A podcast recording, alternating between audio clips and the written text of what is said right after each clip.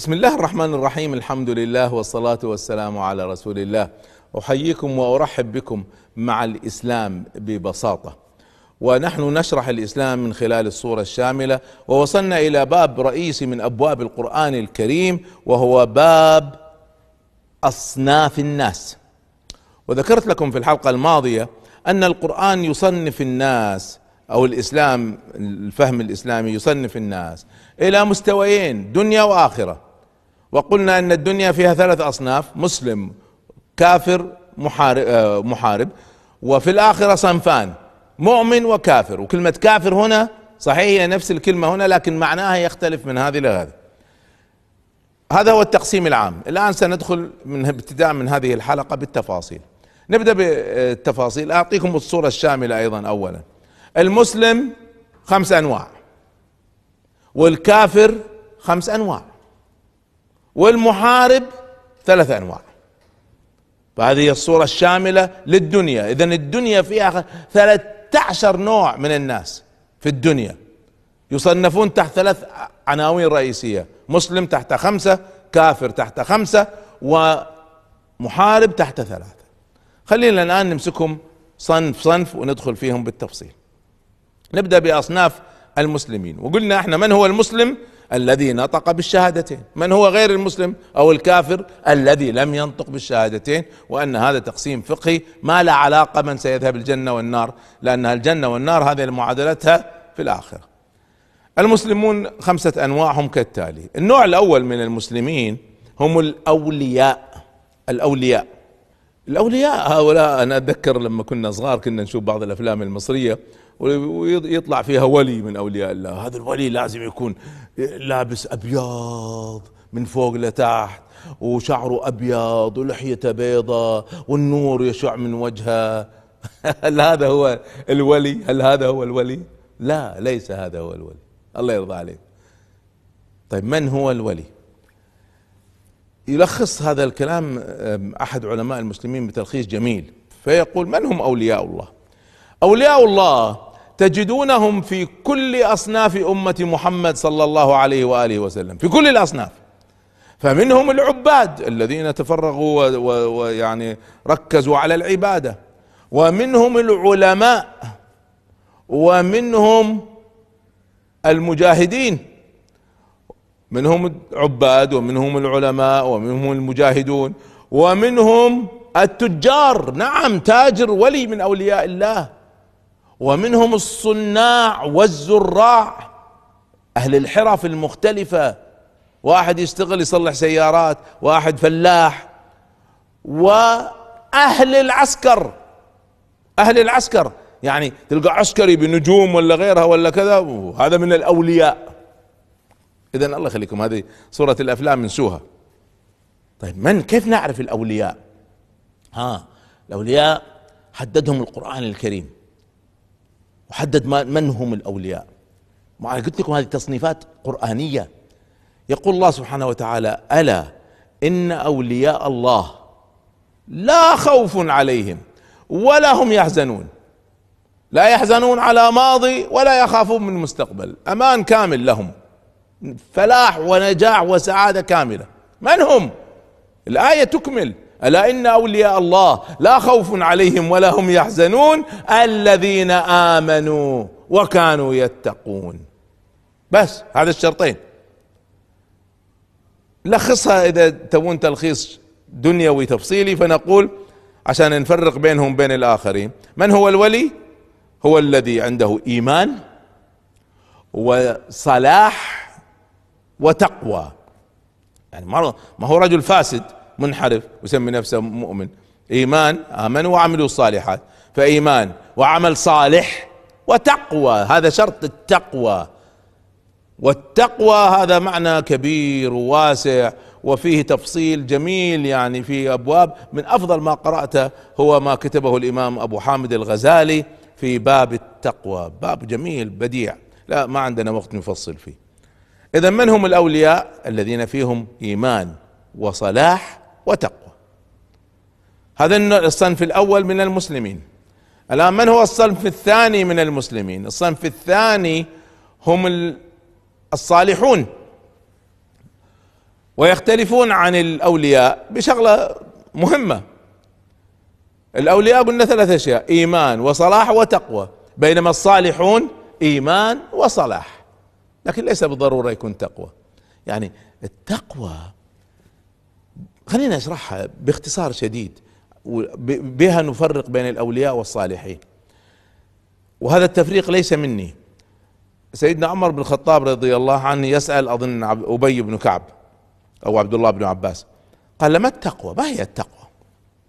قال يا أمير المؤمنين هل دخلت يوما في أرض ذات شوك؟ مزرعة فيها نباتات والنباتات فيها شوك كثير. قال نعم. قال ماذا فعلت؟ كيف كنت كيف قطعت هذه المزرعة؟ قال ضممت ثيابي وتحذرت. يعني لفيت ثيابي على جسمي عشان ما تكون مفتوحة وتشبك بالأشواك وأحرص وين أدوس؟ قال فتلك التقوى. بس هذه هذه التقوى.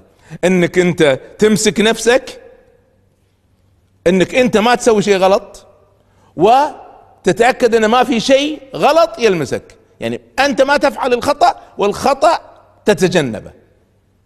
لا تفعل خطأ وتجنب الخطأ الخارجي. بس هذه هي التقوى. فالآن الأتقياء إذا أي مسألة فيها شبهة فيها احتمال تكون حلال ولا حرام أهل التقوى يبتعدوا عنها. يحرصوا أن يبتعدوا عنها.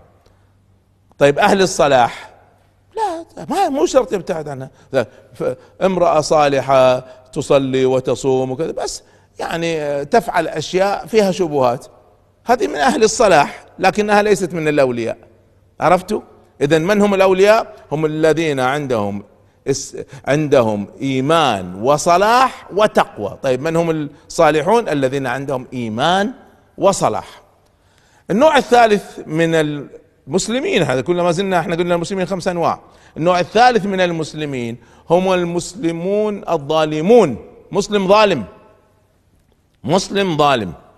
من هو هذا المسلم الظالم؟ هذا المسلم اللي عنده إيمان يعني أسلم. ليس بالضروره إيمان بس بس هو نطق الشهادتين وقد يكون عنده إيمان قد لا يكون عنده إيمان لكن نطق الشهادتين وظلم. هذا الظلم هنا الحديث عن ليس ظلم نفسه بغير العمل الصالح وإنما ظلم الناس. يأخذ أموال الناس يقتل يسرق يؤذي يؤذي الآخرين من المسلمين وغير المسلمين. هذا ظالم. فهذا نوع ثالث وهو نوع مهدد تهديد شديد بأن يستحق عقوبات عالية جدا. طبعا أعلى درجات الظلم هو أن يظلم الإنسان نفسه واعلى درجات ظلم النفس أن يشرك بالله. يأخذ إله آخر غير الذي خلقه. فاذا هذا مسلم. قد يكون كافر في قلبه قد يكون في آه، قلبه مؤمن لكن في الحالتين هو ظالم. ما دام دخل في ظلم الناس دخلنا في دائرة الظالمين. والظالمون هؤلاء مهددون بعذاب شديد. النوع الرابع هو الفاسقون. الفاسقون. من هم الفاسقون هؤلاء؟ هؤلاء الذين أسلموا. أسلم. وفسق لكنه لم يظلم. أعيد. فسق لكنه لم يظلم. ما الفرق بين الفسق والظلم هنا؟ الظلم هو أن نؤذي الناس بأشكال الأذى. بينما طبعا أشكال الأذى غير المبرر. بينما الفسق هو أن الإنسان يفعل مخالفات للشرع مخالفات لشرع الله سبحانه وتعالى وهذه المخالفات ليس فيها ظلم للناس. مثلا واحد شرب خمر. طب هذا ما فيها ظلم للناس لكنه فعل فسقا. واحد وواحدة بالتراضي هكذا عملوا زنا حاشاكم. لم لم يظلموا احدا لكنهم فسقوا فسقوا. طبعا اذوا اهلهم اذوا المجتمع صحيح. بس أنا نتكلم عن الظلم المباشر وليس الظلم غير المباشر. فالظالمون هم اللي عندهم ظلم مباشر. الفاسقون هم الذين عملوا انحرافات لكن لم يظلموا احدا. اذا عندنا صنف الأولياء عندنا صنف الصالحون عندنا صنف الظالمون وعندنا صنف الفاسقون والصنف الأخير مسلم منافق. هذه كلها من أصناف المسلمين. مسلم منافق. من هو المسلم المنافق؟ المسلم المنافق هو الذي نطق بالشهادتين بلسانه لكن في قلبه لا يؤمن. لا يؤمن بالله لا يؤمن بالرسول لا يؤمن بآخرة. عنده عنده مشكلة في الإيمان. طيب هو ظاهره مسلم لكن في حقيقته هو غير مسلم. طيب هذا كيف يعامل؟ يعامل معاملة المسلمين. نحن ما ندري إيش الذي في القلوب. ولا يجوز لنا أن نحكم على ما في القلوب. يقول سيدنا عمر بن الخطاب يا أيها الناس إنكم كنتم تؤخذون في حياة النبي صلى الله عليه وسلم بالوحي. يعني يأتي الوحي يقول من هو المنافق من هو المؤمن. ألا قد انقطع الوحي ما في وحي اليوم. فمن أظهر الحسنى عاملناه بالحسنى ومن أظهر السوء عاملناه بمثلها. فحسب تصرفاتك نعاملك ما أن شغل في قلبك وذاك. ما يجوز تقول لإنسان واحدة تقول لي واحدة أنت منافقة. لك منافقة يعني في داخلك كفر. كيف تعرف كيف تعرف أن في داخلها كفر؟ ما يجوز هذه الكلمة. إطلاقا ما تجوز. الآن القانون العام بالنسبة للمسلم التعامل مع المسلمين ما هو؟ تعامل الولاء. الولاء. نحن نوالي المسلمين. ما هو الولاء؟ وما هي شروطه؟ وما هي مخالفاته؟ هذا ما سأحدثكم عنه في الحلقة القادمة إن شاء الله. فإذا الصنف الأول المسلم بأنواعه الخمسة حقه الولاء والولاء له تفصيل نحتاجه في الحلقة القادمة وأيضا أحدثكم في الحلقة القادمة بإذن الله عن أنواع الكافرين. أستودعكم الله. والسلام عليكم ورحمة الله.